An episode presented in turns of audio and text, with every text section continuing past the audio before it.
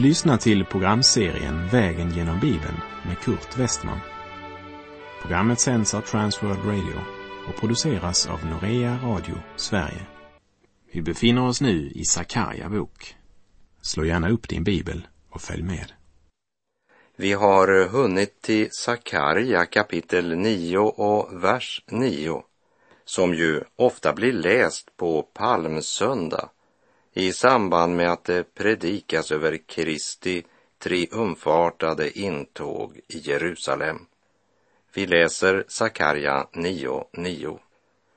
Fröjda dig storligen, du Sions dotter. Höj jubelrop, du Jerusalems dotter. Se, din konung kommer till dig. Rättfärdig och segerrik är han. Han kommer ödmjuk ridande på en åsna, på en åsninnas fåle. Här är vi vid själva navet omkring vilket hela det profetiska hjulet rör sig. Konungen som kommer rättfärdig, segerrik och ödmjuk är frälsningshistoriens centrum. Därför ska vi vandra genom den här versen med vördnad, och med vidöppna ögon. Även om alla fyra evangelierna har skrivit om Jesu intåg i Jerusalem i så kallad triumf, då människomassorna ropade Hosianna och skar kvistar av träden och strödde på vägen, så är det endast Matteus som citerar från profeten Sakarja. Jag citerar från Matteus 21, vers 1-5. När det närmade sig Jerusalem och kom till Betfage vid Oljeberget sände Jesus iväg två lärjungar och sade till dem, gå till byn som ligger framför er. Där ska ni genast finna en åsna som står bunden med ett föl bredvid sig. Lös dem och led dem till mig. Och om någon säger något till er ska ni svara, Herren behöver dem. Han kommer då omedelbart att skicka iväg dem. Detta hände för att det skulle uppfyllas som var sagt genom profeten. Säg till Sions dotter, se din konung kommer till dig, ödmjuk ridande på en åsna, på ett åsneföl en arbetsåsnas föl. Lägg märke till att Matteus säger säg till Sions dotter medan Sakarja säger fröjda dig storligen du Sions dotter. Lägg också märke till att Matteus även utelämnar att han är rättfärdig och segerrik. Matteus återger bara en utvald del av Sakarja 9.9. Varför utelämnar han vissa saker och tar med andra?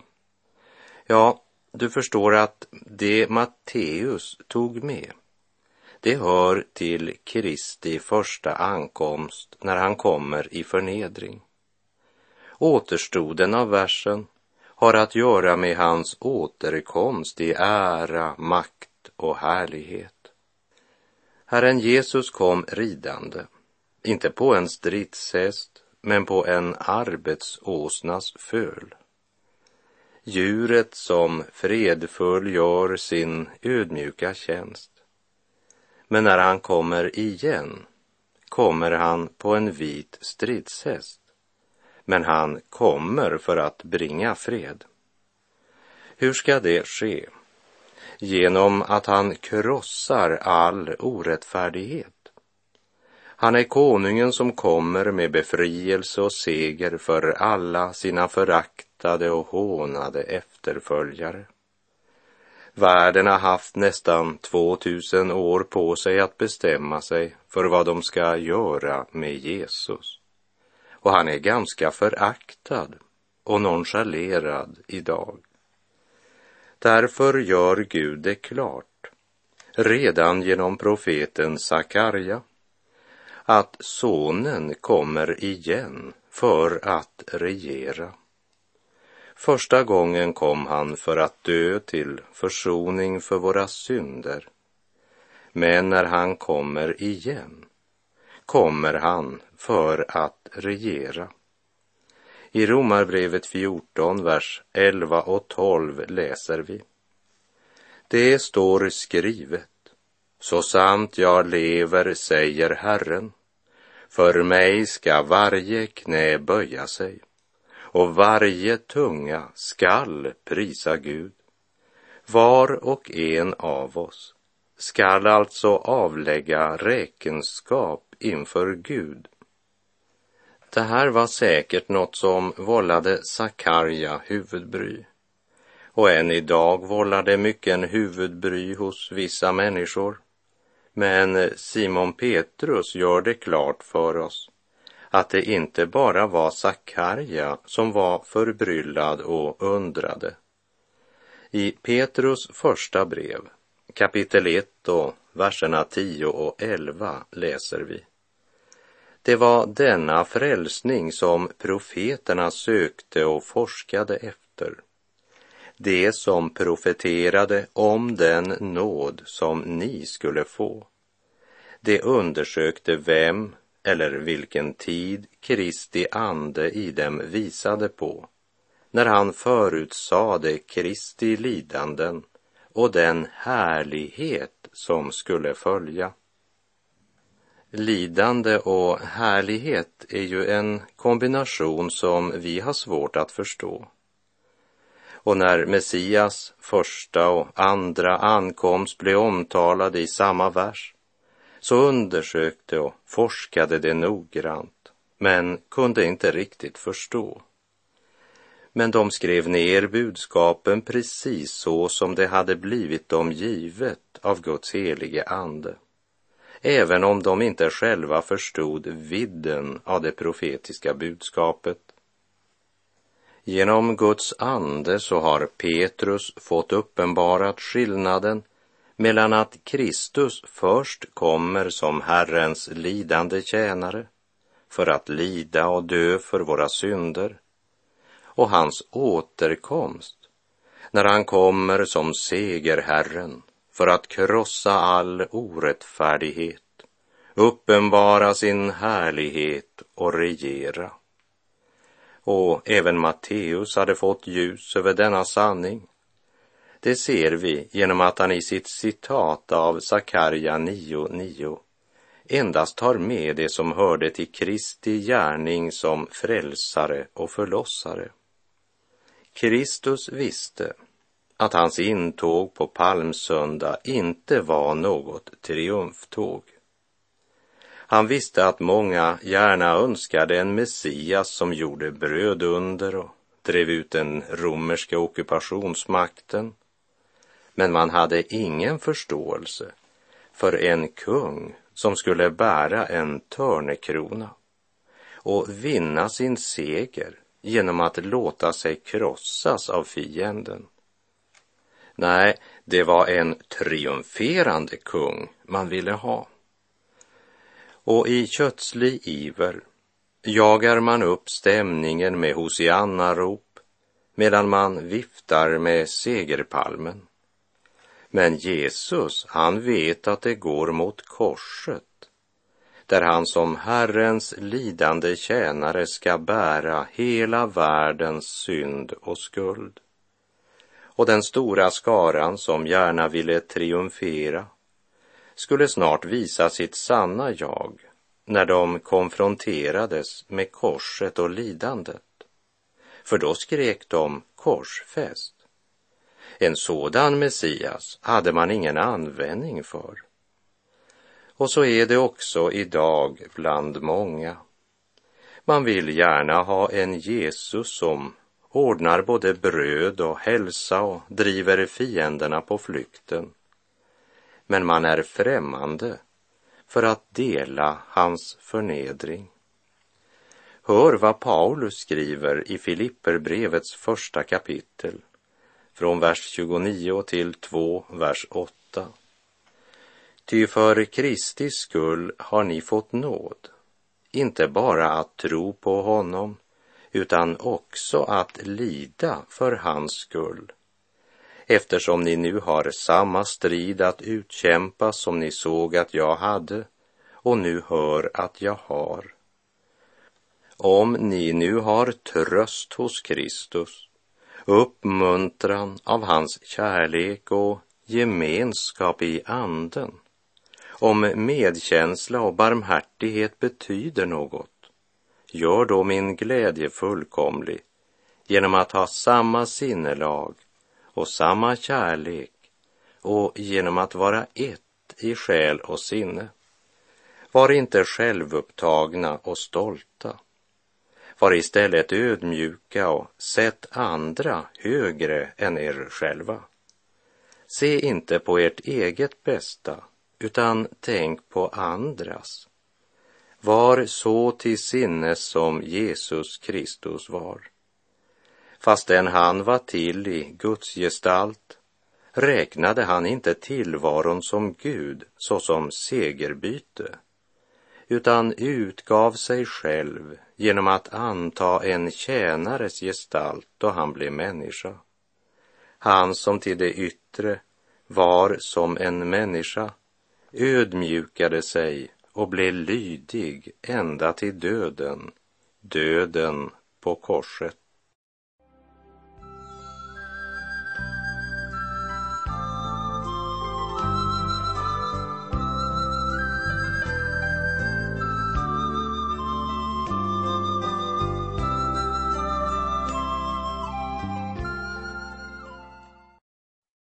Folket som ropade Hosianna på palmsöndag tänkte inte på Jesus som Guds son, världens frälsare. De såg för sig den Messias som de i sin kötsliga längtan ville ha. En Messias som kunde krossa den romerska fienden. Inte en som skulle förnedras, hånas och därefter korsfästas av romarna på judarnas begäran. När de såg den pinade mannen, blodig och törnekrönt stå inför Pilatus, så ropade de inte Hosianna längre, för de ville inte ha en sådan Jesus. Korsfäst, ropade de, korsfäst. Och skrifternas Jesus är inte populärare idag än vad han var den gången. Vi är främmande för korset, främmande för lidande och framför allt främmande för Kristi sinnelag. Och när vi nu lämnar Sakarja 9.9 så är det min bön att du ska få nåd att se hur oerhört viktig och central denna vers är. Det är själva navet omkring vilket hela det profetiska hjulet i Sakarja bok snurrar. Här i Sakarja bok har vi mött något om Alexander den stores marsch när han korsade det som idag är Turkiet och hur han ödelade grekiska städer och sedan styrde stegen mot Israel och Jerusalem. Han krossade städerna i Assyrien i nord för att sedan tåga in i löfteslandet. Först Filisteernas land och sedan kom han till Jerusalem. Och alla väntade sig att han skulle ödelägga staden eftersom översteprästen där hade nekat betala skatt till Alexander och istället betalat till det medopersiska riket. Översteprästen kände sig bunden av pakten med medopersien vilket naturligtvis irriterade Alexander den store. Och hans plan det var att ödelägga Jerusalem. Men han gjorde inte det därför att han hade haft en syn där han sett översteprästen klädd i vita kläder. Sakarja presenterar kontrasterna här. Alexanders intåg i triumf i Jerusalem var verkligen något att lägga märke till och komma ihåg. För många, många år senare skulle en annan kung göra sitt intåg i Jerusalem på en åsninnas fåle. Och Jesus kom inte för att ödelägga världen. Han kom för att frälsa världen. Jesus kom inte för att väcka uppmärksamhet och forma ett stort och attraktivt rike vars undersåtar skulle tjäna honom. Ty Människosonen har inte kommit för att bli betjänad, utan för att tjäna och ge sitt liv till lösen för många, som det står i Markus 10.45. Vilken total skillnad på dessa två kungar, Alexander den store och timmermannen från Nasaret. Vi har sagt att när Jesus red in i Jerusalem, hyllad som en kung av folkmassan, så var det inte hans intåg i Jerusalem, det var hans uttåg. Han gjorde sig redo att lämna vår värld. Men han skall komma tillbaka. Och världen har nu haft ganska lång tid att bestämma sig för vad man vill göra med Jesus. De måste ta en avgörelse hur man ställer sig i förhållande till Guds son, Herren Jesus Kristus. Han skall komma och det ögonblicket kan vara närmare än vad någon av oss tror. Han skall komma för att upprätta fred Därför säger han i Sakarja 9, vers 10. Jag skall utrota vagnar ur Efraim och hästar ur Jerusalem. Stridens bågar skall utrotas och han ska tala frid till hedna folken.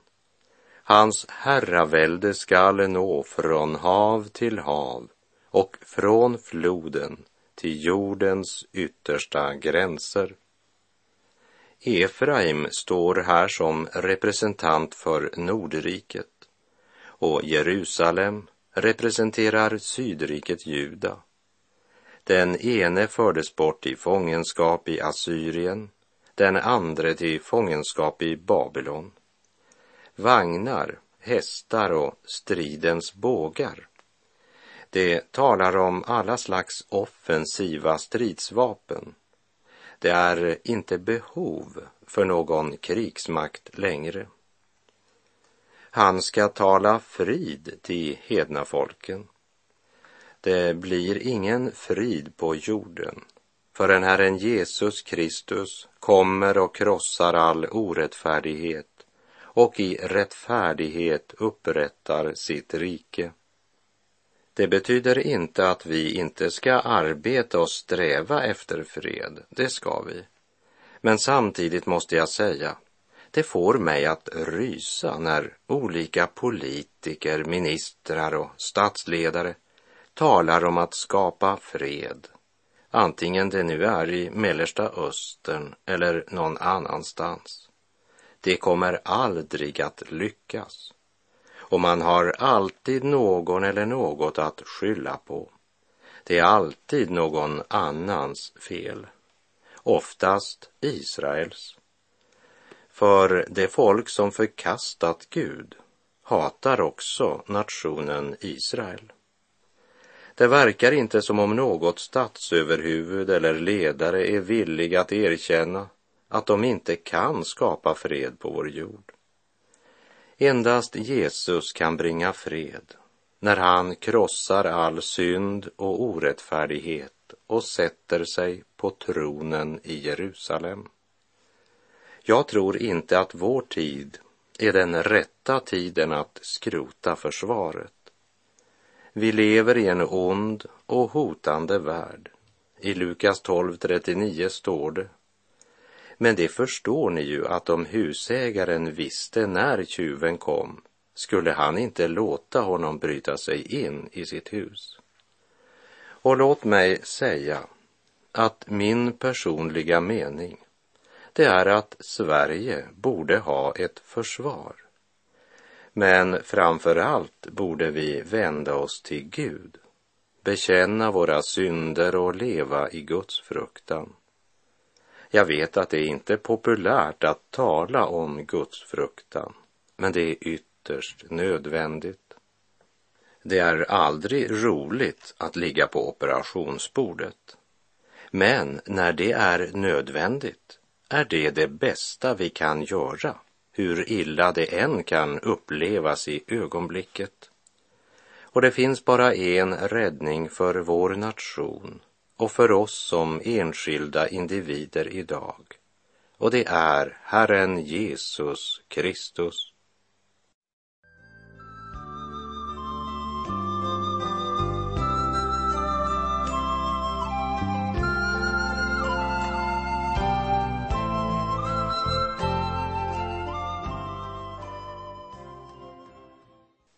Från Sakarja 9, vers 11 och resten av kapitlet talas om befrielse genom förbundsblodet.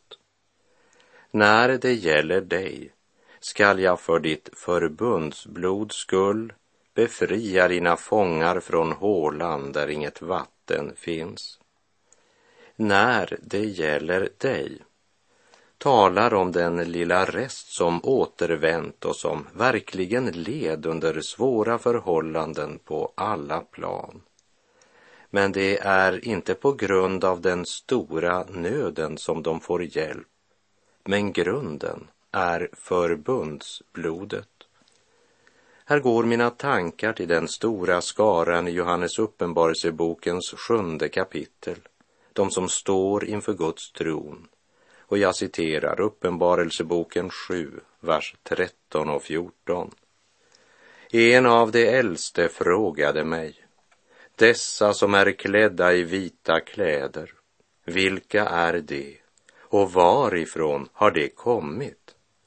Jag svarade, min herre, du vet det. Då sade han till mig, dessa är det som kommer ur den stora nöden och det har tvättat sina kläder och gjort dem vita i Lammets blod. Människor idag talar om pressfrihet, yttrandefrihet, moralisk frihet, ekonomisk frihet, frihet att vara sig själv, vara sin egen herre och så vidare. Människan vill inte inse att hon är en fånge i denna syndens värld, ja, en syndens slav. Sannerligen, sannerligen, jag säger er, var och en som syndar är slav under synden, säger Jesus i Johannes 8.34. Här tänker Jesus på vår egen syndiga lust, på den gamla människan. För att synda är att leva efter sin egen lust, att leva styrd av den gamla naturen. För den gamla människan är lika gudsfientlig vare sig den är världslig eller religiös. Jag tror inte att det är en enda av oss som lever en hel dag utan att synda på ett eller annat sätt. Men ett Guds barn kommer alltid till Fadern och bekänner sin synd. För den troende så är synden en tandverk och inte ett hantverk. Och han bär sitt nederlag, sin smärta till Fadern. Djävulens barn vill aldrig gå till Gud med sin synd Genom synden är människan hemfallen åt förbannelsen och fördömelsen, som här sammanliknas vid en grop utan vatten. Det vill säga, den visar sig tom när man skulle behöva den bäst. Här går mina tankar till Josef som vi läste om när vi vandrar genom Första Moseboks 37 kapitel där Josef blev kastad i en brunn för att dö. Och det var hans egna bröder som kastade ner honom där. Men hans liv slutade inte i brunnen eftersom Gud hade en annan plan för den unge Josef. Jag tänker också på Herrens budskap genom Jeremia, Jeremia 2.13. Ty mitt folk har begått en dubbel synd det har övergivit mig, källan med det levande vattnet, och gjort sig usla brunnar som inte håller vatten. Genom Jeremia säger Herren att Israels synd var dubbel. De har vänt sig bort från en källa med levande vatten och gjort sig usla brunnar. Gjort sig. Det vill säga de fick lägga ut både kraft och pengar för att skaffa sig dessa usla brunnar. Ja, det är otroligt hur målmedvetet och ihärdigt den ogudaktige kan arbeta för att uppnå sina lustars mål. Israels synd var dubbel. Först hade de förkastat Herren Gud, källan med det levande vattnet. Sen vigde de sin tid, sin kraft och sin egendom åt att göra sig usla brunnar. Man satsar sitt liv och sin framtid på en cistern som är ett människoverk och som kan gå tom precis när som helst. Och på Sakarja tid får folket höra följande löfte från Herren genom profeten Sakarja. När det gäller dig ska jag för ditt blods förbunds skull befria dina fångar från hålan där inget vatten finns. Den gamla syndanaturen har så lätt för att vända Gud ryggen, vandra på syndens och olydnadens väg.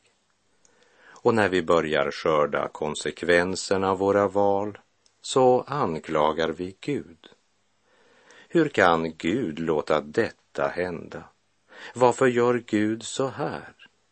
Kära vän som just nu lyssnar. Gud har en motfråga. Är det inte du själv som vållar dig detta genom att du överger Herren, din Gud, när han vill leda dig på den rätta vägen? Kära vän, lyssna till Herrens löfte genom profeten Sakarja. När det gäller dig ska jag för ditt blods förbunds skull befria dina fångar från hålan där inget vatten finns. Gud både kan och vill göra något nytt i ditt liv och han gör det för blodets skull. Om vi bekänner våra synder är han trofast och rättfärdig så han förlåter oss synderna och renar oss från all orättfärdighet. Skrifternas Jesus kom in i mitt hjärta tog all min oro, förbarmade sig villigt han bar all min synd och min smärta han på korsträdet dog just för mig. Villigt han bar all min synd och min smärta då han på korsträdet dog just för mig. Skrifternas Jesus i ordet mig lärde alla som tror må i korsdöden gå mitt hjärta en längtan jag närde döpas till honom i Guds kraft uppstå